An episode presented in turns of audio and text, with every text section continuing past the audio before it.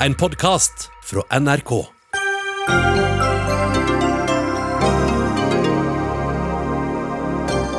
En fransk lærer ble drept etter å ha undervist om karikaturer og ytringsfrihet. Nå må ikke lærere la seg skremme, ber Utdanningsforbundet. Det internasjonale skiforbundet utsetter forbudet mot eh, fluor. Helt uforståelig at skisporten fortsatt bidrar til forgiftning av mennesker og natur, sier MDG. Det nye regjeringskvartalet kan komme til å koste nesten 7,8 millioner kroner per kontorplass. Her må øksa fram, sier Marit Arnstad i Senterpartiet. Og voksne menn bruker ikke ordet tisse, sa Sylfest Lomheim i retten, og konkluderte med at brevskriveren i Bertheussen-saken ganske sikkert er en voksen kvinne. Det kan da ikke han vite, protesterer Helene Uri.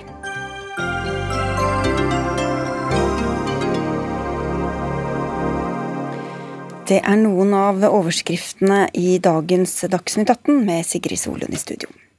I dag har folk samlet seg i Paris og andre byer i Frankrike for å vise sin støtte til franske lærere etter at Samuel Paty ble drept på fredag. Historielæreren hadde vist Mohammed-karikaturer til elevene sine i forbindelse med undervisningen. Fransk politi har gjennomført flere razziaer hos militante islamister i dag, og elleve personer er pågrepet. Og Korrespondent Simen Ekern i Paris, hva er siste nytt nå fra etterforskningen? Siste nytt er at det nå er 15 stykker som er i, i varetekt. Blant andre de eh, islamistene som, som, eh, du nevnte, men også noen elever på skolen. Bl.a. en elev som skal ha bekreftet at han mottok penger av gjerningsmannen for å peke ut eh, læreren som ble drept. Og Hvordan preger drapet det franske samfunnet nå gjennom helgen og i dag? Ja, det er jo den fullstendig dominerende politiske saken i dag. Eh, alle politikere fra alle partier eh, kommer med utspill. Regjeringen eh, har varslet nye tiltak som kommer nå fortløpende hver eneste dag. Dette var jo noe Emmanuel Macron varslet allerede for to uker siden, men nå skjer alt raskere enn planlagt. I morgen skal man holde Onsdag blir det en, offisiell minnesmarkering for ofre på Sorbonne universitetet her i Paris, der Emmanuel Macron selv eh, skal være til stede. Eh, mediene skriver ikke om annet, og, og, og, folk flest også prater om dette. Det er selvfølgelig den, den saken som, som, eh, som dominerer det franske ordskiftet nå. Og Hva vet vi om hva som faktisk skjedde i undervisninga og i tiden etterpå? Vel, Det vi vet er at dette er en, en, en, en, klasse som han har hatt lenge, denne læreren. Vi vet at han var godt likt av elevene. Vi vet også at han har undervist i ytringsfrihet omtrent på denne måten eh, tidligere. Eh, så er det også det som, som, som, har skjedd, at det er en far til en jente som eh, visstnok ikke var til stede eh, på denne timen, som skal ha vært opprørt over det han har fått referert, laget videoer som ble ytterligere sirkulert på nettet ved hjelp av en imam som også nå er under etterforskning, og deretter så altså eh, gjerningsmannen disse videoene. Det har også kommet fram i dag at gjerningsmannen tok kontakt, eller forsøkte å ta kontakt både med faren og denne imamen som lagde disse videoene. Eh, foreløpig ikke klart om han fikk svar fra dem. og Det er jo det eh, man lurer på, og som etterforskerne jobber med, naturligvis. Hvorvidt det var noen andre involvert som, på, på en annen måte enn som ren inspirasjon. Hvorvidt gjerningsmannen fikk praktisk konkret hjelp fra, fra andre mennesker. Det er ett av sporene politiet følger nå. Du kan bli med oss videre, Simen Eckern. Eh, kunnskaps- og integreringsminister og venstreleder Guri Melby, det er jo forferdelig uansett med et drap, men hva vil du si til omstendighetene her? Altså at det er en lærer som blir drept for det han sier og gjør i undervisningen? Ja, jeg tror det var flere enn meg som ble ganske dypt rysta da vi fikk høre det her. Eh, som du sier, altså drap er uansett en forferdelig hendelse, men når det er drap som er motivert eh, av da eh, det denne læreren gjorde. Og denne læreren gjorde da en utrolig viktig jobb, som jo mange lærere gjør hver eneste dag, i det å ruste elever til å ta del i demokratiet, til å bruke ytringsfriheten, og også det å ha kunnskap om hva som er kontroversielt, hva som er vanskelig, og hvordan vi snakker om akkurat de temaene. Så det at et menneske, en lærer, blir drept fordi han underviser i nettopp det, det er skremmende, og det er forferdelig. Mm. Steffen Handal, leder i Utdanningsforbundet. Hvordan blir norske lærere påvirket av det som har skjedd her? For det første så tror jeg som Guri Melby at de blir ganske rysta. Og jeg tror også veldig mange ser dette som et angrep på menneskerettighetene, på ytringsfriheten, eh, på utdanning, og også på oss som forsøker å eh, rett og slett dyrke ytringsfriheten og, og spre kunnskap og, og, dele kunnskap. Eh, sånn sett så er dette ja, veldig skremmende. Jeg tror veldig mange lærere ikke opplever dette som truende for deres egen praksis. Eh, de er nok eh, heller ikke av den oppfatning at de må ta stilling til det som har skjedd i Frankrike, ved å f.eks. klistre karikaturtegninger opp i klasserommene sine. Jeg tror norske lærere er opptatt av å håndtere dette på en klok måte. Mm. Og det vil de gjøre fremover også. Så vi vil ikke se eh, aksjoner, tror jeg, Eh, den ene eller den andre veien her, men dette, dette, må markeres.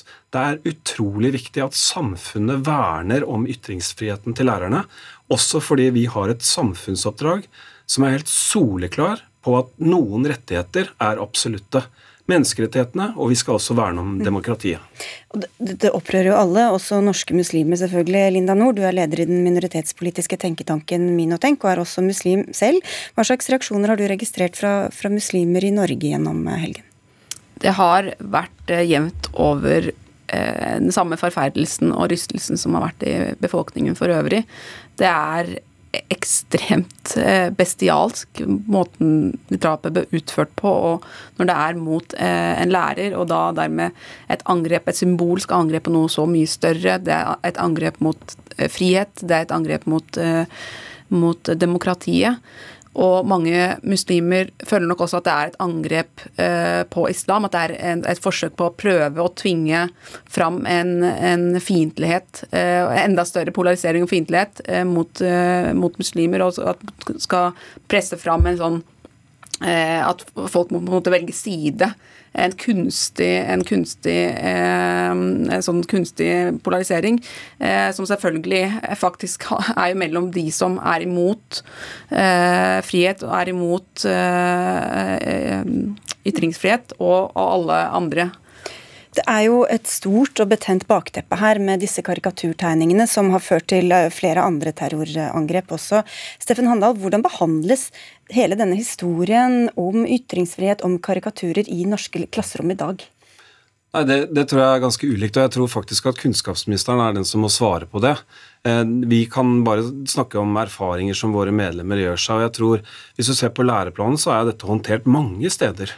Eh, først og fremst kanskje i den overordnede delen, som er liksom samfunnsoppdraget og det som er viktigst. Der slås det helt soleklart fast at menneskerettighetene er det som er bærende for, for, utdanningen, og også at vi skal fremme demokrati og bekjempe ekstremisme. Eh, men jeg tror, og jeg, jeg, har lyst til å legge til det at det, det går av og til rykter om at lærere har berøringsangst rundt noen av disse temaene. Og jeg tror Jeg er ikke sikker på om det er tilfellet, men jeg tror i hvert fall noen ganger at det at lærere håndterer dette skjønnsomt, det leses av folk utenfor som at man har berøringsangst. Og det er ikke nødvendigvis tilfellet. Man tar mange hensyn her og lager undervisningen sin både ut fra oppdraget, men også de elevene man har. Men, men få høre med deg da, Guri Melby, skal norske lærere vise fram disse karikaturene selv om elever potensielt kan bli støtt? Så er det ett område der jeg har stor tillit til norske lærere, og med god grunn, mener jeg, er det nettopp i behandling av disse temaene. Eh, vi har jo gjennom mange, altså Det har vært mye snakk om internasjonale undersøkelser, hvordan norske elever gjør det. Er det ett område de gjør det veldig bra på, så er det nettopp det med demokrati og det med forståelse for hva som er grunnlaget for demokrati. Og Da er det jo to helt sentrale ting. Det ene er jo kunnskap, og det krever bl.a. kunnskap om kontroversielle og vanskelige tema. Og så er det nettopp ytringsfriheten. Men så er det ingen tvil om at dette er kjempevanskelige tema, og det er helt sikkert mange lærere som står oppe i mange dilemmaer hver eneste dag. Det jeg tenker det beste vi kan gjøre, da, er jo å støtte dem. For det første være tydelig på at de har både metodefrihet og ytringsfrihet. Dersom de ønsker å gjøre det her, dersom de mener det er et riktig valg å gjøre i den klassen, i det faget, i den settingen, så er det et valg de kan gjøre. De er heller ikke tvunget til å gjøre det hvis de ikke mener at det er riktig. Og så har vi også masse ressursmiljø på det her i Norge. Vi har bl.a. de ulike menneskerettighetssentrene, HL-senteret her i Oslo, eh, og masse tilgjengelige ressurser som lærere kan bruke, og som mange bruker på en veldig god måte. Men hvorfor er ikke retningslinjene tydeligere på dette feltet, da? Uh, ja, Hva tenker du som er utydelig? Nei, altså Hvorvidt man bør for vise fram, hvis man er litt engstelig da som lærer, skal vise fram disse eller ikke. Hva skal veie tyngst? Hvordan skal jeg gjøre det? Nei, altså Her tenker jeg at uh, her må vi nesten ha tillit til lærerne sitt faglige skjønn. Både hva som er viktig og vise fram hva slags debatter som er viktige og relevant å ta opp for å snakke om ytringsfrihet, for å snakke om religionskritikk, for å snakke om alle disse dilemmaene. Og det vil være situasjonsbetinga. Vi har ikke læreplaner i den norske skolen som er akkurat sånn Ja, det her er det som er mest aktuelt i 2020, høsten, å undervise i. For det her er læreplaner som varer over lang tid. Og det er klart at i et gitt tidspunkt så er det her veldig relevant å ta opp. På en annen mm. sammenheng så vil det ikke være like relevant. Vi har sett veldig få eh, sånne situasjoner i norsk skole knyttet til dette. Og jeg tror en del av de lærerne jeg har snakka med i dag, de sier jo at eh, de har ikke gjort dette fordi de har ikke funnet det hensiktsmessig. Og jeg tror det er, det er, et viktig perspektiv her. Det er litt som du også pekte på, at eh, vi, kan, eh, vi, kan, komme inn i en situasjon hvor noen utenfor polariserer dette, eh, i en situasjon hvor vi egentlig må tenke helhetlig. Og det ønsker jeg at lærer, norske lærere skal ha en anledning til fortsatt. Og jeg er veldig glad for at statsråden også understreker at vi har den ytringsfriheten og det metodeansvaret. Dette kan norske lærere gjøre. Men bør, hva, hva sier du, Linda Nord, bør man ta hensyn til om hvorvidt elever kan føle seg støtt av å se disse tegningene eller ikke? Eh, nei, jeg mener ikke akkurat karikaturtegning. Jeg syns kanskje andre hensyn når det kommer f.eks. til seksualitet eller eh, sånne ting, kan man skal tenke på krenkelse da. Men når det gjelder karikaturtegninger som er viktig i en stor debatt om ekstremisme, om ytringsfrihet, om forskjellige kulturer for satire og, og, og, karikaturtegning, så tenker jeg det er helt uproblematisk og absolutt ikke noe man skal være redd for eh, at noen skal føle seg krenket. Selvfølgelig skal man ivareta og være inkluderende. Det må man jo bygge opp eh, jevnt over hele tiden. Og det jeg tenker på vi må passe på i Norge, er for at vi, vi tar ytringsfrihet litt for gitt. Og at det må kanskje være en, en mer gjennomgående del av undervisningen jevnt over. Skal bare få inn deg igjen, Simen Ekern, for det er jo sju millioner muslimer i, i, i, Frankrike. Vi hørte bekymring her for at det kan brukes eh, stigmatiserende eller til å skape splittelse. Hvordan, eh, hvordan behandles det i, i Frankrike nå? Det er en voldsom debatt, også innad i, eh, i, den muslimske befolkningen i Frankrike, selvfølgelig. Veldig mange forskjellige meninger, bl.a. om de nye tiltakene som den franske regjeringen har varslet, da, der man forbyr en del organisasjoner, f.eks. I dag har det vært en del advarsler om at denne type forbud kommer til å være kontraproduktivt, kommer til å få mange til å føle seg eh, utstøtt og rammet på en annen måte, mens andre igjen, også representanter, en, en, en imam i en forstad i Paris som jeg snakket med for litt siden, eh, som mente at det er eh, riktig, fordi det er en del grupperinger her som jobber mot den franske republikken, sa han, og var helt enig da med, med president Macron, som jo nettopp har snakket om dette, at det er utgrupperinger av islamister som, som, som jobber mot republikkens verdier, og, de, og, det kan vi ikke lenger eh, akseptere. Men det er klart det er jo også bekymring for, for eh, hva politiske krefter kan bruke dette til, hvordan eh, samholdet skal kunne sikres framover. Noen av lærerne jeg snakket med i den støttemarkeringen som var i går, snakket jo nettopp om det at vi skal fortsette å gjøre som Samuel Paty gjorde. Han underviste i ytringsfrihet. Han sa fra at nå skal jeg vise noen bilder, og de som ikke vil se dem, kan snu seg eller gå ut. Vi skal gjøre det, og vi skal fortsatt gjøre det med respekt for eh, dem som tror, og dem som eh, ikke tror. Så det er jo et arbeid som pågår her, men, men det er en følelse i Frankrike nå at det er eh, intenst, det er vanskelig, og det kommer til å bli vanskelig framover. Jeg tror det er veldig viktig nyanse her. Det lærerne gjør i klasserommet, det er offentlige handlinger. Det er ikke private anliggender som handler om hva den enkelte lærer syns. Vi opererer på, på et samfunnsmandat. Og det er, det er, helt stjerneklart. Eh, det er menneskerettighetene og demokratiet som er det viktigste. Det kommer vi til å fortsette å forholde oss til. Og jeg er veldig opptatt av at den norske debatten rundt dette, det må også handle om å verne om det oppdraget og lærernes mulighet til å fullføre det. Eh, og det er egentlig viktigere enn veldig mye annet. Nå nikkes det rundt bordet her, Linda Nord, helt til slutt, for du sa jo at dette også var et angrep på islam. Og så vet vi at mange spør seg hvorfor skjer disse angrepene i islams navn da gang på gang. Hva, hva er ditt svar på det? Altså, som, hvis vi snakker om terrorisme, eh, så vil det eh, finnes det uavhengig av, av karikaturtegninger. Eh, og det har dessverre utviklet seg en enorm polarisering, spesielt i Frankrike. Men vi ser også den samme tendensen i mange andre eh, vestlige land, og ikke minst i muslimske land, hvor terrorangrep de siste årene har vært veldig, veldig eh, omfattende.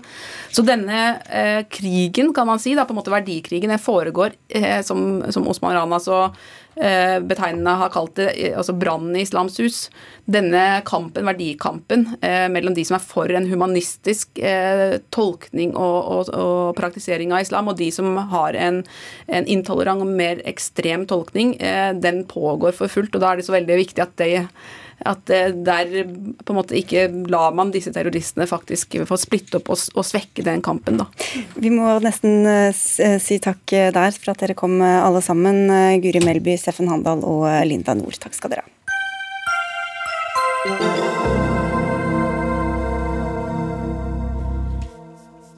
Forbudet mot fluor i skismørning blir utsatt ett år. Det har Det internasjonale skiforbundet FIS bestemt. Grunnen er at FIS ikke har klart å utvikle en test som avslører dem som lar være å følge forbudet. Ski med fluorsmørning har gliegenskaper som gir eventuelle juksemakere en fordel, hvis de bruker det da på tross av det kommende forbudet. Og fluorforbudet er utsatt både i langrenn og i skiskyting. Men Chris Rokkan Iversen, nestleder i Miljøpartiet De Grønne, du er også utdannet biolog. Hva syns du om denne utsettelsen? Eh, jeg syns at det er hold i hodet, rett og slett. At man eh, tillater et eh, giftig stoff som kan føre til fosterskader hos pattedyr, skader på indre organ og virke kreftfremkallende, og som blir igjen i naturen når skirennet er over.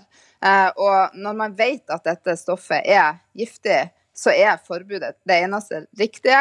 Og jeg mener også at Norge må gå fremfor som et godt eksempel og eh, sette naturen og hensynet til helsa til mennesker og miljøet vårt fremfor det å vinne eh, alle konkurranser. Erik Røste, president i Norges Skiforbund, med alle disse skadevirkningene, hvorfor skal det da fortsatt være tillatt? Ja, La oss eh, starte med det vi er enige om. Og vi er veldig enige at uh, fluor skal bort uh, fra skisporten. Uh, nettopp derfor så bestemte Det internasjonale skiforbundet uh, 22.11. i fjor at, å forby et, et totalforbud mot fluor. Da var vi godt kjent med at EU e kom med et direktiv som er gjeldende nå fra 4.7 i 2020, som forbyr noen deler av fluor, men ikke alt. Mens FIS valgte, altså Det internasjonale skiforbundet valgte å gi et, si et totalforbud. Når vi, eh, Det forbudet det står fortsatt. Eh, det er implementeringen som er utsatt i åtte måneder. Det er vel det som teller mest, da, implementeringen, jo, ikke forbudet i seg selv. Ja, også, men da, og, det, og, Grunnen til det er at vi eh, på den korte tiden, og med en koronaepidemi som har vært krevende for mange, også med tanke på å utvikle et eh, godt testapparat og et testsystem, så har man ikke kommet helt i mål med det. Derfor har man valgt å utsette det. Og så har jeg lyst til å si, fordi vi har i Norge eh, et, et Og det har vi hatt ved tredje sesongen vi går inn i nå, så har vi et totalforbud mot bruk av fluor for alle eh, årsklasser fram til og med 16 år. Det er et verdibasert vedtak og viser at vi tar den problematikken her på alvor. Hvorfor haster det så fælt, Iversen, når det uansett kommer snart? Ja, eh, jeg syns jo at eh, Det er jo godt å høre at vi i hvert fall er enige om at eh, fluor må bort. At det ikke har noe i en naturbasert idrett å gjøre. Men to ting her. Det ene er jo det her med at testsystemet ikke er på plass. Det syns ikke jeg er en, en si, god nok begrunnelse for å ikke gjøre det som er moralsk riktig altså å ha et forbud. Det blir jo litt som å si at vi ikke skal ha fartsgrense på veistrekninger der det ikke finnes eh, fotobokser, eller at, vi, at, det kun er ulovlig å stjele i butikker der det er vektere. Eh, sånn at vi må få forbudet på plass først. Og så er jeg ganske sikker på at eh, både testkit og den slags kommer raskt etter når det trær, i, trår i kraft. Og det andre er jo det at nettopp det at vi har lyktes med å få dette på plass for utøvere under 16 år, betyr jo for det første at vi er i stand til det. Og for det andre så syns jeg jo det er litt sånn grann tvilsomt at de som skal gå foran som forbilde, altså de voksne utøverne og systemet rundt, sier at eh, ja, det, dere skal ikke drive med det, men for oss som, som driver med liksom mer den her industrien rundt det, så er, er, det helt legitimt å ha gift under skien så lenge vi vinner. Så jeg syns ikke det er et godt eksempel å gå foran med. Røste, tror du at 20-åringene jukser så mye mer enn 15-åringene, eller hvor er logikken her egentlig?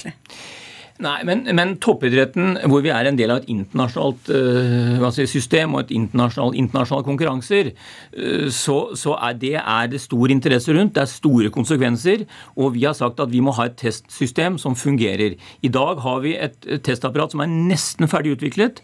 Dvs. Si at det er under 1% feilmargin. Og på de 1500 testene vi har tatt, så ville det betydd at 10-15 kunne da blitt feil tatt for å jukse. Og så har jeg lyst til å si det at eh, det her, vi, skisporten, skal ta vår del av ansvaret. Eh, og vi har vært veldig tydelige på det. det skal, ski, fluor skal bort i skisporten. Men vi må også sette litt i perspektiv, og her har myndighetene et klart ansvar. Eh, det, det, det som brukes av fluor til, til skismurning, det er ca. 1 promille av det totale fluorforbruket på verdensbasis.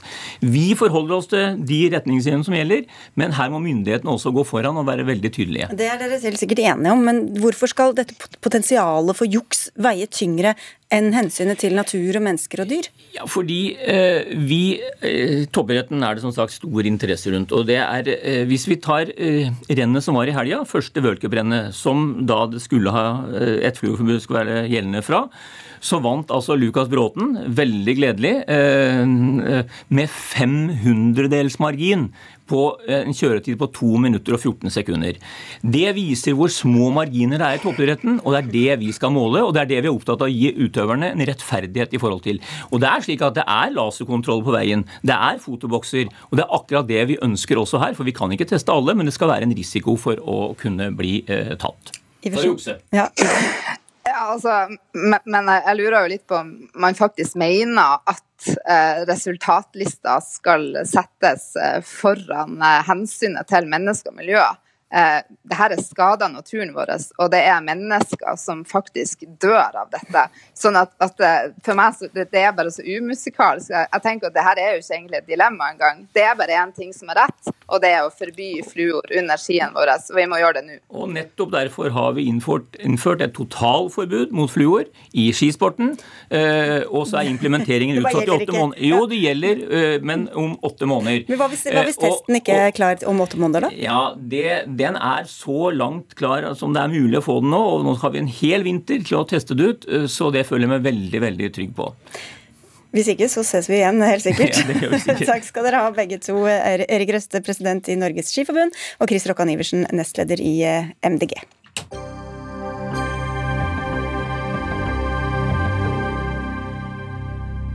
Ordbruk sto sentralt i Bertheussen-saken forrige uke, men stemmer det at bruken av ordet tisse peker mot en kvinnelig gjerningsperson? Det skal vi diskutere snart her i Dagsnytt 18, men før det til en politisk føljetong. Det må kuttes i det nye regjeringskvartalet. Det mener flere av opposisjonspartiene, etter at en ekstern kvalitetssikring anslår at det hele kommer til å koste opp mot 36,5 milliarder kroner.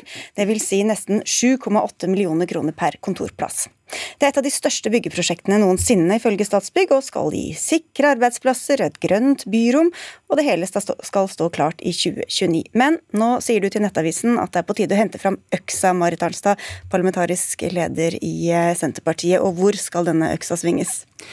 Ja, altså for det første, Jeg tror ikke at noen regjering, uansett farge, eh, vil være i stand til å leve med et regjeringskvartal som koster 36,5 milliard kroner. Det tror jeg ikke er mulig. Eh, derfor mener jeg at vi er nødt til sammen å se på hvordan du kan redusere kostnadene.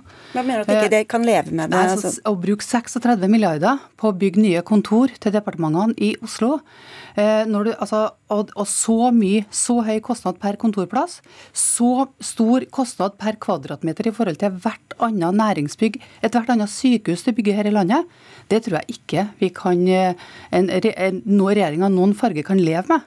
Så jeg mener at vi egentlig burde samle oss og se på hvordan kan du spare i prosjektet, og hvordan kan du også nedskalere prosjektet. Jeg tror at det er tida til det nå, at vi kommer til den erkjennelsen at det er nødt til å skje. Vi kan jo høre om du har noen ideer, men først kan du få kommentere kommunal- og moderniseringsminister Nikolai Astrup. Kan du leve med denne summen? Altså For det første så er dette en kostnad som jeg tror alle skulle vært foruten. Men bakgrunnen for det er jo terrorangrepet 22.07.2011. Og så er det heldigvis slik at det er et kostnadsspenn her på 26 til 36. Og vi skal alle jobbe for at det ikke blir 36, men 26 milliarder kroner. Så vet vi av erfaring ofte så sprekker det, så blir det enda dyrere enn det det, Ja, det, det det, utgangspunktet. Kvalitetssikre er jo veldig overbevist om at dette er gjennomarbeidet. Grunnen til usikkerheten er jo at det ligger jo to andre byggetrinn her som jo ikke, hvor forprosjektet ikke er ferdig, og de ikke er ferdig kvalitetssikret. Så der ligger det jo selvfølgelig eh, muligheter for både å se på hvordan vi kan redusere kostnadene, men også så er det altfor tidlig å konkludere hvordan det blir. Det første byggetrinnet, som er det største, eh, er anslått til 20,5 milliarder kroner. Og så er det viktig å understreke at eh, hvis du ser bare på kontorarbeidsplassene og stripper bort alt det som sikkerhet og alt det som ligger rundt, eh, så er dette helt å sammenligne med et ordinært kontorbygg. Dette blir ikke råflott, det blir ikke et Men du kontorpalass. syns, det blir... altså, du syns det er verdt det? Det, det? det er penger du er villig til å bruke? Nei, spørsmålet er ikke om jeg syns det er verdt det. Spørsmålet er hva Stortinget har sagt om sikkerhet eh, for grunnleggende nasjonale funksjoner. Og Dette handler jo ikke om de ansatte i departementene. Dette handler om at regjeringskvartalet og de funksjonene som departementene har, skal kunne fortsette å operere i krisetid, eh, i, under angrep eh, og med cyberangrep, sabotasje, etterretning, alt dette her. For det er jo ikke et vanlig næringsbygg eh, som du sammenligner det med? Nei, det er det selvsagt ikke. Men også sikkerhet er et spørsmål som du er nødt til å avveie. Nødt til å avveie det i forhold til hva som er det ultimate, og hva som er de endelige kostnadene. Altså, Du skal bygge i Oslo sentrum. Du kan ikke bygge bunkers til departementsansatte. Du må faktisk ha en viss sånn avveining knytta til det. Og her syns jeg prislappen blir for høy. Jeg mener derfor at eh, UD bør fortsatt være på Victoria terrasse. Eh, Og jeg mener også at R5 bør kunne brukes. Jeg synes det er veldig rart Altså at man skal spre noen av ja, det, altså, avdelingene? R5 for å si det eksisterer sånn. jo i dag. Eh, Og, og jeg synes det er veldig rart at en sier at der skal det ikke kan sitte departementsansatte, men det kan sitte andre offentlige ansatte som ikke er så viktige som departementsansatte. Den type liksom sortering av viktigheten blant offentlige ansatte syns jeg er veldig rart. Jeg mener at vi er nødt til å sette oss ned og vurdere det på nytt, og R5 bør bestå. Og, og da vil du også kunne ta vekk en del av de eh, tingene du ønsker å bygge i Men tida handler, framover. handler det ikke også om det symbolet som da dette regjeringskvartalet blir, altså da, sånn sikkerhetsmessig? At selv om ikke de offentlige ansatte er viktigere der enn andre steder, så er det, så er det et mye større mål i seg selv? Symbolet i dette bygge, byggeprosjektet det er i stor grad høyblokka. Eh, Og Jeg er jo enig i at høyblokka må gjenoppbygges. Eh, Og Det mener jeg er viktig og riktig, og det har jeg jo også bestandig gått inn for. Vi har også støtta statsråden i at Y-blokka må rives, hvis du skal klare å få til et funksjonelt rom. Eh, Men du bygger altså Oslo sentrum. Og i- Oslo sentrum, under ethvert bygg, så finnes det T-baner og veier og, bygg, og mm, ulike bygg og sånne ting. Du vil ikke kunne få til den ultimate sikkerhet. Og der, også der må du avveie kostnadene i forhold til hva som er fornuftig samfunnsmessig bruk. Og det er jeg helt enig i. Selvfølgelig må vi avveie kostnadene opp mot eh, fornuftig samfunnsmessig bruk. Og, og det er ikke alle sikkerhetskrav som eh, kan du si, eh, vi skal gjennomføre. Men Marit Arnstad sammen med andre parlamentarikere har jo fått en innføring i nettopp hvilke sikkerhetstiltak som vi planlegger. De egner seg ikke på radio. Men jeg tenker at det er viktig at vi har en diskusjon med nettopp Stortinget om disse tingene, slik at vi alle er enige om eh, hvorfor vi må gjøre dette. Og Noen av premissene lå jo her fra 2011. ikke sant? Alle var enige om at vi skulle ta regjeringskvartalet tilbake. Og sikkerhetsmiljøene som vi lener oss på, NSM, PST, Politidirektoratet, var alle enige om at det tryggeste var å samle dette i ett kvartal. Fordi det har en alternativ kostnad å sitte sånn som vi gjør i dag. Og det er viktig med tanke på det Marit Arnstad foreslår om å sitte fortsatt i Victoria terrasse, der UD sitter i dette flotte, gamle leilighetsbygget fra UD, altså 1800-tallet. Utenriksdepartementet, Ja, det, ja. ja. De sitter jo i et flott, gammelt bygg, leilighetsbygg fra 1800-tallet. Og allerede før 2011 så ble det jo i og for seg besluttet at her måtte man se på alternativer. For det å ruste opp det bygget til dagens standard vil koste mer enn det å bygge nytt et annet sted. Ja, fordi, ja, ja, Eh, og sikkerhetsmessig også så må det gjøres veldig mye med det bygget for at det skal være tilfredsstillende permanent. For vi, vi firer litt på kravene når det er midlertidig, men er det permanent, så må vi bygge ordentlig. men er det da noe i disse utredningene du ikke er enig i, Arnstad? Eller hvor langt er du altså- villig til å fire på den Altså, sikkerheten? jeg er ikke altså, jeg, jeg legger ikke noe skjul på at hele det politiske miljøet var jo enige om målet. Men det er jo først nå i høst at vi også har fått på en måte de kvalitetssikra kostnadene og kostnadsspennet eh, lagt på bordet. Og Da mener jeg at det er en invitasjon til alle politikere om å se på hvordan du kan redusere kostnadene i dette prosjektet. For vi kommer ikke til å kunne klare å leve med å bygge et regjeringskvartal til 36 milliarder. Men Hva slags usikkerhet er du da villig til å leve med på vegne av men, dem som skal altså, jobbe der? da? Jeg mener at dette handler ikke bare om sikkerhet, det handler litt om sikkerhet, men det handler om flere ting. Men Du sa jo du var villig til at du ikke trengte å være ja, det, så sikkert som det, det legges opp til. Jeg sier at det må være en avveining på linje med mange andre avveininger. Ja, Da lurer jeg på hva du er villig til å gå med på Nei, altså, av usikkerhet. Altså, jeg inviterer til en debatt om hvordan du skal få ned kostnadene, og sikkerheten er en av de tingene. Men så er det mange andre ting også. Det andre som jeg nevner, er jo at jeg mener at det er flere av byggene du har i dag som kan brukes. Eh, det vil være billigere enn å bygge nytt til den kostnaden. Og det tredje er jo at du må jo også i første byggetrinn, altså det som nå er, er lagt på bordet i budsjettet fra, fra, fra regjeringa, så må du være villig til å begynne å ta av bladgullet. altså Du må rett og slett tenke mer nøkternt i utforminga av prosjektet. Og da lurer jeg på, for Vi snakket jo om kvadratmeterprisen her. Hvorfor skal man bruke verdifullt areale på f.eks. treningstilbud til de ansatte? Altså det er, at det er et eh, treningsrom i et uh, departementskompleks som huser mange tusen ansatte, det, det syns jeg til den prisen det får? Altså, Nei, det er veldig mange som ikke har altså, treningstilbud på jobben sin. Kvadratmeterprisen for dette, det er om, hvis du stripper vekk sikkerhet og stripper vekk det at vi skal senke en ringvei i Oslo, så er det omtrent på linje med akkurat alle andre. Jo, og jo se på hva, hva den arealet går ferdig, Ja, Hvis du svarer på det jeg spør om, så ja, jeg, er det. Jeg, jeg er i ferd med å svare på det. og eh, Det er altså ikke slik at dette er bladgull. Altså, Det er helt ordinær, nøktern standard på kontorarbeidsplassene. Slik skal det også være. Dette skal ikke være råflott. Grunnen til at det blir dyrt, det er sikkerhet. Og det er altså infrastrukturen rundt. Vi skal ha et byrom som fungerer. Og vi skal altså ikke stenge eh, en ringvei i Oslo pga. regjeringskvartalet heller, som vil være konsekvensen av det Marit Arnstad foreslår. Og så er det dyrt å sitte der vi sitter, og 60% av denne kostnaden for regjeringskvartalet vil bli betalt over departementenes husleie. Uh, og skal vi sitte permanent rundt omkring i Kvadraturen f.eks., så blir det minifestninger, uh, og det blir store kostnader i sikkerhet. Så at det blir billigere, det er jeg jaggu ikke sikker på. okay, så det er ikke så enkelt, dette her. Men da får vi ta en ærlig debatt om at mye av disse kostnadene ikke handler om et regjeringskvartal, men det handler om en byutvikling og et byrom og omlegging av en ringvei og flytting av en brannstasjon. Da får vi ta den diskusjonen. Men da handler ikke det om et regjeringskvartal som skal komme i etterkant av 2011. Da handler det om byutvikling og bymiljø på en annen måte. Jo, det er en konsekvens av at vi skal bygge regjeringskvartal der, noe Senterpartiet i regjering var for, og Senterpartiet har støttet hele tiden. Så premissene lå jo der lenge før vår tid at vi skulle samle dette kvartalet ja, det var der. Litt andre omstendigheter. Men dere, vi får se da, hvem dere får med dere til å betale for dette gildet. Så får vi si takk i denne omgang til dere begge to. Senterpartiets eh, parlamentariske leder Marit Arnstad og kommunal- og moderniseringsminister Nikolai Astrup.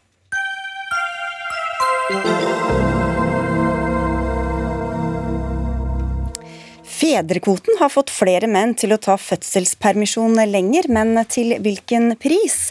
En for høy en, skal vi to, tro et intervju du har gitt til VG, hvor du også tar til orde for å fjerne tredelingen av foreldrepermisjonen, Ida Lindtveit Røse. Røse. Du er gruppeleder i Viken for Kristelig Folkeparti, og sitter også i partiets oppvekstutvalg. Hva er det ved dagens eh, permisjonsordning du mener ikke fungerer? Dagens permisjonsordning er eh, etter min mening altfor rigid. Eh, og det er fastsatt da at man skal ha en tredelt eh, permisjon. Og for veldig mange familier så opplever man at det passer ikke inn i virkeligheten i det hele tatt. Det er helt greit når man har et relativt ukomplisert svangerskap og fødsel og, og barseltid etterpå, men for veldig mange så er ikke det tilfellet. Og for veldig mange så sliter man. Og at man da opplever at man må gå tilbake i jobb altfor tidlig, eller at det ikke passer med ens egen familiesituasjon, og at man da må velge andre løsninger, f.eks. å gå ut i ulønna permisjon, som jo jeg mener er kritisk for både likestillingen og for de kvinnene som det gjelder. Kari Henriksen, stortingsrepresentant for Arbeiderpartiet. Hvorfor trenger vi i dag i 2020 regler som griper så mye inn i familienes liv? Jo, vi trenger det fordi det er et veldig godt likestillingstiltak, og det er et godt velferdstiltak for familier. Det gir familier stor eh, valgfrihet.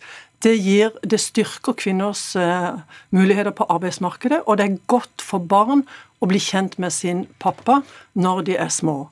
Og det som vi ser fra, uh, fra Kristelig Folkeparti, er jo en, en politikk, et forslag om en politikk denne, som faktisk fører oss langt tilbake i tid. En tid der det ikke var valgfrihet for, for, menn og kvinner. En tid der mødre og fedre ikke hadde noe som helst valgfrihet. Og det er jo dette forslaget føyer seg inn i rekken av likestillingspolitikk som kommer fra Kristelig Folkeparti, som går i feil retning. For dere vil egentlig rett og slett ikke ha noen kvoter til noen? At det skal være helt fritt til å disponere som man vil? Ja, altså jeg mener det. Du, ja. eh, og så skal vi ha en diskusjon om dette i partiet. Men eh, for KrF sin del så er det viktig å sikre familiene mer valgfrihet. Og dagens eh, tredeling den, helt, den, har vært grei for meg dette svangerskapet her, f.eks. For eksempel, fordi at det har gått ganske fint. Jeg var tilbake i jobb etter fire og en halv måned. Men sånn er det ikke for alle. Og i, dag så er det sånn at det er familiene som tar kostnaden ved at man har en lite familievennlig permisjonsordning. Nettopp fordi man eh, ikke greier å ha tredelingen sånn som den er, og resultatet er at man sier OK, vet du hva, da må jeg ta ulønna permisjon. Hvem, hvem, tror du blir hjemme da, hvis man fjerner eh, den kvota til Nei, men Det som skjer i dag, er jo at man ender med å bli hjemme og ta ulønna permisjon. Ikke alle noe gjør som det. gjør at Nei, men ganske mange ender med det fordi det at det ikke er tilpassa. Kommer da i tillegg til den tiden som også far er hjemme. Så blir man bare Altså, spørsmålet ja, mitt er altså, Ja, fordi man ender med å ikke kunne gå tilbake i arbeidsmarkedet så tidlig som etter sju måneder. Mm. Så da velger man å ta ulanda permisjon og være lenger borte fra arbeidslivet istedenfor.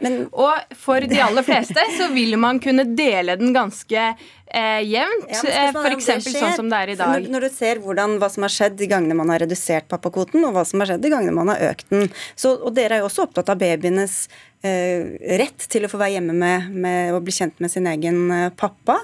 Hva skjer med den da, hvis du, hvis du fjerner den kvota, tror du? Ja, selvsagt. Jeg mener at eh, fedre bør være i eh, permisjon, men jeg mener også at dette er noe som familiene selv bør få lov til å regulere når og hvordan familien skal eh, være i permisjon. Og med denne type ordning som jeg foreslår, da, så kan man også f.eks. være sammen i permisjon lenger enn bare de to første ukene, noe som flere familier ønsker. Så da er fleksibiliteten viktigere enn at faren i mange tilfeller er hjemme? Altså For det første er fleksibiliteten viktig, og så mener jeg faktisk at det er hinder for likestilling for en del kvinner i dag, ettersom man ender med å være i ulønna perm, er lenger borte fra jobb og også mister pensjonspoeng, mister inntekt. Og når man kommer tilbake i arbeidslivet da, så har man vært lenger ute, må bevise virkelig at man skal få de samme posisjonene som de mennene som ikke har vært det. Og det mener jeg er feil, og det hindrer likestilling. Ja, for det er jo 30 av mødrene som tok ut i 2017 ulønnet permisjon. Kari Henriksen, hva sier det om behovet som mange kvinner har for å være litt lenger hjemme med ungen? Det sier, eh, det sier meg at vi trenger å gjøre velferdsordningene bedre, ikke å reversere dem. Enda lengre? Sånn som eh, Kristelig Folkeparti gjør. Vi i Arbeiderpartiet har foreslått å, å ta den treukeren som er før fødsel, og si at den blir unntatt fra tellinga når du skal dele menn og kvinner. Det betyr at vi legger den inn på kvinner. Og det er jo å gå den riktige veien, sånn at du får en velferdsordning som faktisk er bedre, som ivaretar de behovene. Men det Kristelig Folkeparti gjør, det er jo at de går helt stikk motsatt vei. Du vil jo få økt forskjeller mellom menn og kvinner. Du vil få en øh, hvis, hvis, vi bare stopper ja. litt på det, fordi En rapport fra Core Center for likestillingsforskning viste for et par år siden at ikke det var noen målbare effekter av at eh, fedrekvoten ble utvidet på mødrenes sysselsetting, inntekt, arbeidstid eller karriereutvikling i løpet av de første fem årene etter at de fikk barn. Så hvordan kan du da si at dette er så viktig for likestilling? Jo, det kan jeg si, og det bare mener jeg styrker den, øh, den politikken som sier at vi trenger kraftige virkemidler overalt. For vi har et arbeidsliv som er mest kjønnsdelt i nesten i hele Europa. Ja, men hvis de kommer dette... og får tilbake til jobb, så får de ikke noe mer positivt. Altså, de, de, de viste ikke noen korrelasjon der. Nei, men det som er poenget, er at det skal være en valgfrihet som kvinnene sjøl kan ta. Og, når du fjerner, og for ikke å snakke om mennene. Og når du fjerner den retten for menn til faktisk selv å velge Altså, de har kjempa i årelang tid for å få den retten til seg sjøl som far. Fellesforbundet streiker f.eks. For, for å få permisjonsrett. Du svarte ikke helt på spørsmålet, men vi kan ta, ta det der, Røse. Altså, det er jo mange menn som beskriver det at de syns det er vanskelig på hjemmebane og vanskelig på jobb å trumfe gjennom å få være hjemme med, med barnet. Hva skjer med dem da, med, dere, med din uh, ordning? Altså, jeg er helt enig med Kari Henriksen at vi har et kjempeproblem i arbeidslivet ved at vi har et både kjønnsdelt arbeidsliv, og at menn stort sett trener eh, mer enn kvinner, og at det går utover likestillingen. Men jeg mener at man ikke skal ta foreldrepermisjonsordningen eh, og gjøre noe med den for å, for å, bedre likestillingen. Jeg mener at vi må ha andre tiltak på arbeidsmarkedet for å øke likestillingen. Men det var ikke det jeg spurte om, egentlig. Nei, men, for jeg kommer til poenget. Hvis man har større likestilling i arbeidslivet, så vil du også få større likestilling hjemme. Eh, de aller fleste som velger f.eks. ulønna perm, da, gjør jo det basert på hvem av oss er det som tjener mest. Og i ganske mange familier så er det mannen. Det betyr at det er eh, kvinnen som, som, ender med å være hjemme. Så du får på en måte en dobbel negativ effekt. Så jeg er helt enig, vi må absolutt gjøre noe med likestillingen i arbeidslivet. Men fem eller 15 uker i et helt arbeidsliv, det har ikke den store effekten på likestillingen. Her må vi tenke på familiene og tilpasse arbeidslivet til familielivet, og ikke omvendt. Men det som Kristelig Folkeparti ikke ser, det er at disse tingene henger sammen. Og Du kan ikke gjøre det ene uten å gjøre det andre, for da vil det ikke ha noe effekt. noe av det. Og Det er jo det som er utfordringa, at Kristelig Folkeparti ser ikke at det er en sammenheng med samfunnsstrukturer og likestilling. Og Derfor må du ha rettigheter til far, og du må ha rettigheter til mor, som de kan ta ut på det, eget initiativ. Vi må straks avslutte, men til, for, for, å bare avslutte der hvor vi begynte, Kari Henriksen. Alle de kvinnene som ikke opplever at de er klare til å gå ut i arbeidslivet igjen, eh, kanskje har hatt et veldig vanskelig svangerskap, eh, slitt med, med søvnproblemer eller hva vet jeg. Hvor, hvor feministisk er det å tvinge dem tilbake i jobb? Vi har mange ordninger som skal ivareta kvinner som har dårlig helse. Og vi har jo da foreslått å øke den og ta den som jeg sa, den permisjonstida før, før, ja, ja. for å gjøre det. det. Det vil styrke mulighetene for kvinner til å være hjemme eldre. og Det er en mye mer offensiv tilnærming til denne problematikken enn å bare si at nå går vi tilbake til sånn som det var før. Vi får se om du får gjennomslag i ditt e- eget parti først, Ida Lindtvedt Røsse. Du er altså gruppeleder for KrF i Viken og leder av oppvekstutvalget til KrF. Og takk til deg, Kari Henriksen, stortingsrepresentant for Arbeiderpartiet. Hør Dagsnytt 18 når du vil. Radio NRK Radio.nrk.no.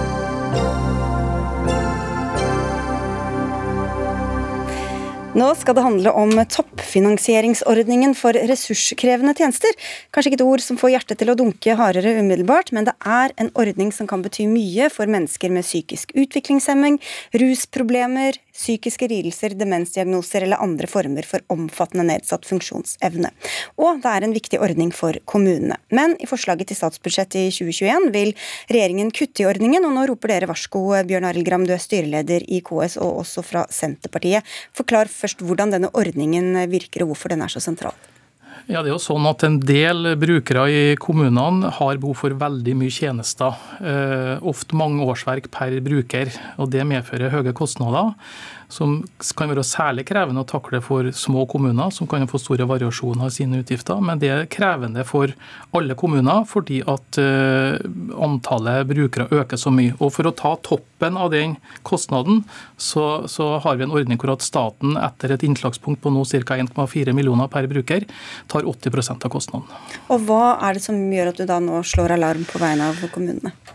Ja, Det er jo fordi at det i utgangspunktet er en kraftig kostnadsøkning innenfor helse- og omsorgstjenestene i kommunene, eh, utover det som folketallsutviklinga skulle tilsi. Eh, mange milliarder i gap, egentlig. Og, og innstrammingene i denne ordninga legger stein til byrden for kommunene. Ja, for De endrer innslagspunktet for altså hvor mye staten må betale, hvor mye kommunen må betale? Ja, eh, og det er sjette året på rad at regjeringa foreslår det her. Eh, og, og, i sum nå så, så utgjør det her en eh, ekstra kostnad for kommunene på 1,4 milliarder i forhold til da før man begynte å stramme til ordningen. Så det er en betydelig sum, og det er behov for at, etter mitt syn at Stortinget nå stopper denne endringa. Så flere trenger tjenesten, men kommunene må betale en større andel. Nikolai Astrup, fortsatt kommunal- og moderniseringsminister. Hvorfor kutter dere budsjettene til en så utsatt gruppe? Vi kutter ikke budsjettene, vi øker faktisk budsjettet med en halv milliard fra i år til neste år for ressurskrevende tjenester. Og det er jo nettopp fordi det er eh, krevende for kommunene å dekke denne kostnaden selv. Og da eh, daværende kommunalminister Erna Solberg innførte den ordningen i 2004, så kostet den 1,5 milliard eh, og omfattet 3300 brukere omtrent. I, eh, I, neste år kommer den til å koste over 11 milliarder kroner. Og omfatter 8000 brukere omtrent. Så dette har vært en ordning med sterk vekst. Og så er det viktig å huske på at Utgangspunktet er jo at kommunene eh, skal dekke utgifter i helse og omsorg eh, over de frie inntektene som kommunene får av, av regjeringen hvert eneste år. Og Så kommer dette på toppen, slik at det er en allerede eh, sjenerøs ordning, og det bør den også være. Men også vi har behov for at vi har denne kostnadsveksten litt under kontroll. og Det tror jeg kommunene og vi er enige om at det er viktig. Men tror du ikke at så mange har behov for det tilbudet? Jo, det er ingen grunn til å betvile tallene. Eh, og Derfor er det legges det fortsatt opp til en sterk vekst i ordningen neste år. Og som sagt eh, over 11 milliarder kroner. Men det er fordi at det blir flere som trenger det. Så per pasient for å si det sånn, så blir det ikke mer? Det er ikke veldig mange flere eh, hvert år uh, slik det ser ut nå. Eh, altså Det har vært en vekst siden 2004, og det har litt mer enn doblet seg. Ehm, men det er klart at det blir kostnadskrevende per bruker. Det er jo utfordringen. Derfor så dekker vi fortsatt 80% av kostnaden over denne egenandelen. Og så er jo kommunene i utgangspunktet kompensert for utgifter til helse og omsorg til egne innbyggere gjennom de frie inntektene som de får fra regjeringen hvert eneste år. Mm. Ja, Problemet er at vi altså ikke er kompensert i tråd med det den faktiske kostnadsveksten tilsier. Det er det som er den grunnleggende utfordringa. Og det er jo riktig det at, at uh, staten bruker mye mer penger på ordningen nå enn før. Men det gjør òg kommunene. Regninga for kommunenes andel har òg økt kraftig. og Vi vet jo det at det i praksis er er nasjonale myndigheter som bestemmer hvilke rammevilkår, hvilke økonomiske rammevilkår vi har for å, for å, tilby tjenestene. Så Når staten nå da strammer til å øke innslagspunktet, så betyr det bare at regninga for kommunene øker tilsvarende. Ja, for Du sier jo Astrup, at, at du ikke betviler behovet. Samtidig så sier du at dere må få kontroll over kostnadsøkningen. Men hvilken annen løsning er det da enn at de som har behov for det, ikke får det beste tilbudet som de egentlig har krav på og trenger? Jo, men det får de. Det får de. Og så øker vi jo de frie inntektene til eh, kommunene. Og det er den største veksten, eh, reelle økningen i handlingsrommet eh, i de frie inntektene til kommunene neste år siden 2016. Og det er bare to år de siste ti årene hvor det har vært høyere vekst enn det vi foreslår neste år, nemlig 2015 og 2016. Og la meg minne om at Da Senterpartiet satt i regjering, foreslo de faktisk å kutte andelen staten skulle betale fra 80 til 77,5 Eh, prosent. slik at uh, her er det uh, Vi stiller opp for kommunene på dette området. Det skal vi fortsette å gjøre. Men Får alle den, den, hjelpen de har krav på og behøver? Ja, så kommunalministeren sier jo at uh, det skal ikke gå utover tilbudet til brukerne. Men når kommunene da fra, fra fjor til år må stramme inn 300 millioner, og fra siden 2016 1,4 så pengene må jo finnes noen plass. Så det, man må jo må jo ta pengene fra noen, noen plass. Og, og dette kommer altså da som en del av en kraftig kostnadsvekst generelt i helse- og omsorgstjenestene. Og Det burde bekymre både kommunalministeren og meg. Eh, og Vi har jo utfordra til å, på en dialog til å se på hvordan kan vi i fellesskap prøve analysere situasjonen og se hva kan vi gjøre med det. Men, men, eh, vi har kanskje ikke fått helt respons for det. da Regjeringa bestilte en rapport i fjor for å finne ut er det sånn at kommunene nå liksom kostnader over på staten. Men den rapporten fra Telemarksforskning slår jo fast det at det ikke er tilfellet. Jeg kan ha lest opp flere sitat på det som viser at her er det ikke en kostnadsovervelting til staten. Det er reelle kostnader fordi at det er reelle behov. Det er brukere ute som trenger tjenester. Hvorfor følger ikke bare pengene brukerne da, Astrup? Hvorfor får man ikke bare akkurat det man trenger, rett og slett? Vel, eh, Man får jo dekket 80 av kostnaden utover et gitt beløp. Og så har vi da justert den egenandelen til kommunen noe, eh, samtidig som vi har en sterk vekst i de frie inntektene, som gjør kommunene i stand til å betale det det koster. Men Kan det komme veldig skeivt ut da, hvis noen har mange mennesker som trenger hjelp, og andre ikke har noen ting? Altså, ja, ikke, altså veldig få mennesker. At vi, eh, små kommuner med særlig høye utgifter får nå en egen pott som eh, de kan tildeles penger fra. Eh, fordi vi ser at eh, der er det en svakhet i dagens system. Eh, og så er jeg helt enig med Bjørn Arild i at vi må jobbe sammen om hvordan vi skal eh, jobbe med innovasjon, velferdsteknologi og bidra til at vi kan levere disse tjenestene med enda bedre presisjon og enda bedre kvalitet enn i dag, men med lavere kostnader. Fordi det er en utfordring nettopp at helsekostnadene øker kraftig. Det er ikke bare på dette området, det er generelt i samfunnet. Og da er vi nødt til å se på hvordan vi kan levere de tjenestene eh, bedre, men til en rimeligere penge enn det vi klarer i dag. Statsråden ønsker jo at vi skal drive det her mer effektivt inn i dag. Men, men da Telemarksforskning analyserte situasjonen, så sa de et veldig kort sitat, forsøk på effektivisering ser i større grad ut til å bli hindret av regelverk og tolkninger av dette enn av de rent økonomiske insentivene. Både fylkesmennene og Husbanken legger rammer for hvordan tjenester utformes. Sånn at Det er jo en diskusjon hvordan, hvordan muligheter har kommunene til å gjøre tilpasning innenfor tjenestene. For det er veldig sterk rettighetsstyring, og det er gode grunner for det. Det handler om hvor mange du samler på én plass. Det handler om bruk av makt og tvang. Det er gode grunner for at dette er strengt regulert, men det setter altså rammer for hvor, hvor effektivt du kan yte endre på det, da? Vil du, vil du ha færre rettigheter til de som trenger det? Vi er nødt til å ta diskusjon om hvordan vi f.eks. når Husbanken etter beskjed fra departementet sier at du kan liksom ikke ha flere enn åtte brukere samla, i stedet for at vi kan se på hvordan vi kan bruke ansatteressursen, utforme boliger på en måte som gjør at du ikke får institusjonspreg, selvfølgelig. Det er viktig. Men vi er nødt til å ta diskusjonen, hvis ikke så blir det her bare en kostnadsoverveltning til kommunene. Jeg er åpen for å se på endringer i regelverk. Jeg, og Konkrete forslag til regelverk som kommunene ønsker å endre, skal jeg selvfølgelig vurdere. Og Vi har et felles mål, nemlig at de menneskene det gjelder, skal få de tjenestene som de fortjener og har krav på. Eh, og så må vi sørge for at vi sammen kan levere dem på en best mulig og mest mulig effektiv måte, slik at vi utnytter samfunnets ressurser eh, til glede for fellesskapet. Og budsjettet er jo ikke helt ferdigsnekra riktig ennå, så vi får se hvor det ender. Takk skal dere i hvert fall ha begge to. Nikolai Astrup for andre gang her, kommunal- og moderniseringsminister, og til deg, Bjørn Arild Gram, som er styreleder i KS og Sammenslutningen av norske kommuner, og fra Senterpartiet.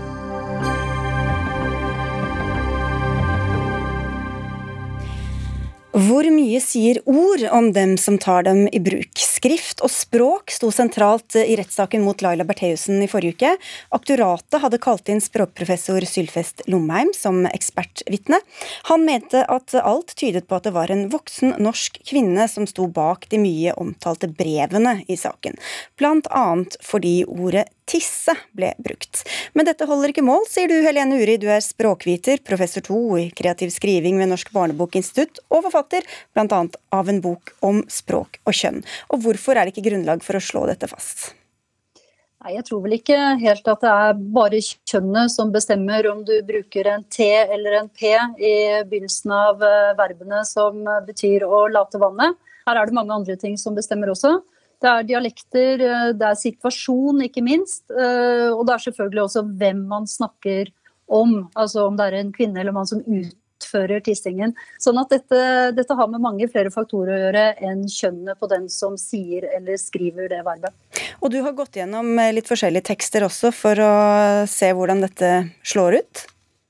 Det har jeg. Jeg har fått hjelp av en undersøkelse av Helge Dyvik ved Universitetet i Bergen og Lars Johnsen ved Nasjonalbiblioteket som begge jobber med korpuslingvistikk, altså veldig store samlinger av ord. Og når vi går inn der og ser på fordelingen av verbene tisse og pisse, så stemmer jo ikke dette overens. Du finner uh, verbet tisse, uh, som Blomheim jo sier da ikke brukes av menn, i en mengde norske tekster skrevet av menn. Jeg fant det f.eks. i dag i eh, selvbiografien til Knut Håvik, og han er jo en ganske barsk mann, vil jeg si, og han tisser faktisk med te.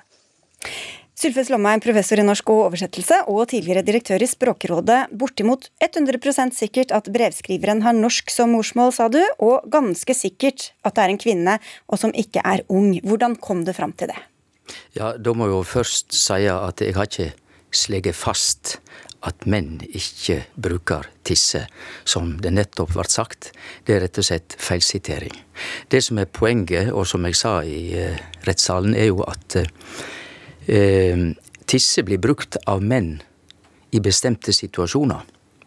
Og det er noe annet enn å si at menn eh, og kvinner bruker tisse på samme måte, for det gjør de nok ikke. Det vil et stort materiale kunne dokumentere. Men altså, en mann ville bruke tisse til dømes når han snakker til barn i barnehagen, kanskje til sine egne barn i familien og slikt. Og Eh, i det hele tatt situasjonen bestemmer. Derimot, i en situasjon der poenget er å være eh, stygg, truende, sjikanerende, som i disse breva som jeg undersøkte, der var det poeng å være det, så er det lite sannsynlig at en mann, for å liksom virke truende og tøff, at han bruker tisse. Men her er det ingenting som er sikkert, og det slo jeg fast at det ikke er. Men, sa, ja, det var bare slå fast som var feil her, ellers så tror jeg jeg sa det riktig. Men, ja. men grunnen til at vi snakker om det, er jo at dette blir brukt i bevisførselen. Nettopp. Eh, og, og, og, det er sannsynlig. Ja, hvordan, vet du at, at, at, hvordan belegger du det du sier, da, at det ikke er sannsynlig i den situasjonen, men hvis man snakker det, til et barn, så er det sannsynlig? Når eh, det skal sendes et trusselbrev, og det brevet går ifra en mann eller ei kvinne, så tror jeg at jeg ikke trenger å komme med masse forskning, men jeg tror de fleste vil si at eh, en mann som skriver et trusselbrev og vil sjikanere, det er lite sannsynlig at han bruker tisse. Han bruker pisse eller noe annet. Hva sier du til det, Helene Uri? Ja, nå satt jeg akkurat og så på Sylfes Lomheim som blir intervjuet i Dagbladet, og som sier direkte sitat en mann bruker verbet tisse kun når han snakker til små barn eller til barn i sin egen familie. Uh, og jeg mener at ja, det kan godt hende at det er mest sannsynlig at de aller fleste menn ville ha brukt pisse i et trusselbrev. Men uh, poenget mitt er at vi kan jo ikke satse på anekdoter i en rettssal. Her må vi faktisk være mer vitenskapelig etterrettelig enn å si at Sånn skjønner alle at det er, og sånn er det vanligvis. Og Det materialet som er brukt av både ved Nasjonalbiblioteket og Universitetet i Bergen, tyder jo altså på at pisse det brukes eh, sjeldnere av eh, kvinner, det er riktig. Men tisse, der er fordelingen faktisk 50-50 blant mannlige og kvinnelige brukere. Og Det syns jeg er ganske viktig å få frem. Ja, Da vil jeg for det første si det at når du Helene siterer Dagbladet, og det står 'kun' der, så er det en Dagbladet-tekst som jeg ikke har godkjent. Jo, så jeg er ikke video, så sikker. Det, det er et videointervju. Du sier det selv. Det er ja, din tale. Du sier det selv. Det ligger ute på Dagbladet. Jeg så det akkurat okay. og skrev det ordrett ned. Ja, ja. Nå, uh, Dette var i etterkant av rettssaka. Når det gjelder ja, at Så du mener det at det er ingen forskning som peker på at kvinner bruker tisse oftere enn menn? Det mener du ikke stemmer, Helene? Er det så? Det har jeg ikke sagt, men Nei, eh, jeg sier at når det, når det gjelder varme Når det gjelder en, en av gangen. Jeg skulle bare få Helene Uri få svare ferdig, så skal du få ordet igjen, eh, Lomheim. Ja. Mm. Når vi ser på det grammatiske subjektet til verbene tisse og pisse, så er det slik at pisse brukes oftere med et mannlig subjekt enn et kvinnelig. Mens verbet tisse brukes 50 av menn, nesten, og litt over 50% av kvinner. Men det vi må se på, det er jo den som har skrevet eller sagt eh, en tekst der dette, disse verbene forekommer. Og da er det ifølge Nasjonalbibliotekets eh, store korpus slik at mannlige forfattere og kvinnelige forfattere kommer ut omtrent likt. At man bruker pisse og tisse på samme måte. Jeg har jo en bok, eh, en roman, kommet ut nå i høst. Og jeg søkte på meg selv der, og der bruker jeg altså verbet pisse, til tross for at jeg er kvinne. Så dette, jeg, og Det er jo fordi jeg da vil illudere en mann. og Det, det ligner jo litt på kanskje å skrive et trusselbrev, et anonymt brev, hvor man da prøver å utgi seg for å være en annen. Akkurat som vi romanforfattere gjør når vi skal prøve å leve oss inn i andre personers kjønn og alder og sosial status. Lommen. Så dette er fullt mulig. Ja. Lommen får svare. Ja, Nei, men eh, når det gjelder denne forskninga, så viser jo det Vi er kanskje til og med bortimot enige om at tendensen i språkbruken, er at kvinner og menn ikke snakker helt likt. Og at eh, Det står jo i ordbøkene til og med at tisse er eh, barnespråk og brukt i andre situasjoner enn pisse. Men hva med alle Så, menn som sier at ikke de kjenner seg igjen, at de bruker tisse da, når de snakker jo, også men, seg imellom? Eller? Men det første må en jo da eh, passe på. Hva menn sier at de sier, er i vitenskapen ikke godt nok. Han må faktisk ha lydbåndopptak og høre hva de sier. Det er mange som påstår at de sier ting på en måte som de egentlig ikke gjør. Men dette med kvinnelig og mannlig språkbruk og forskjeller på det, vi må holde fast en del grunnleggende ting. Mannlig og kvinnelig språkbruk hadde vært forska på lenge. Like siden tidlig på 1900-tall, Otto Jespersen, og da snakker jeg ikke om den norske komikeren, mm. men en av de største danske språkforskere. Han skrev den første nordiske artikkelen om dette allerede på tidlig 1900-tall. Og siden jeg setter meg i bok her og der er Else Ryen, en forsker, som skriver og sier følgende, og dette er på 70-tallet. En, en del språktrekk er oftere i bruk hos det ene enn det andre kjønnet. Det gjelder valg av ord og bøyningsformer og måten setningen blir bygd okay, på. det, det er noen år siden, men bare helt kort til slutt, det har vært Men du, du sa selv at man ikke trengte forsk men du sa selv at man ikke trengte forskning, at, det holdt, at alle skjønte det. Er det godt nok, syns du, i en sånn rettssak? Nei, nei, nei, men jeg viser jo til forskning. Eh, Peter Turgill, en av de største internasjonale lingvistene, har skrevet masse om dette. Men jeg kan ikke sitte her Nå og regne skrev jeg en bok om dette for to år siden, så jeg, jeg kjenner jo forskningen. Jeg kom Ja. jo med en bok om kjønn og språk i 2018, så jeg siterer jo Otto Ja, Dere, og- og nå har vi fått masse, masse lesestoff eh, vi kan kan gå Helene, hjem og lese. Vi kan må ikke vi da dessverre slå fast at eh, forskninga ikke viser at det er ingen forskjell mellom menn og kvinner? Takk skal dere ha. Dag Dørum, Eli Kirkebø og jeg, Sigrid Solund, takker for følget og ønsker en fin kveld.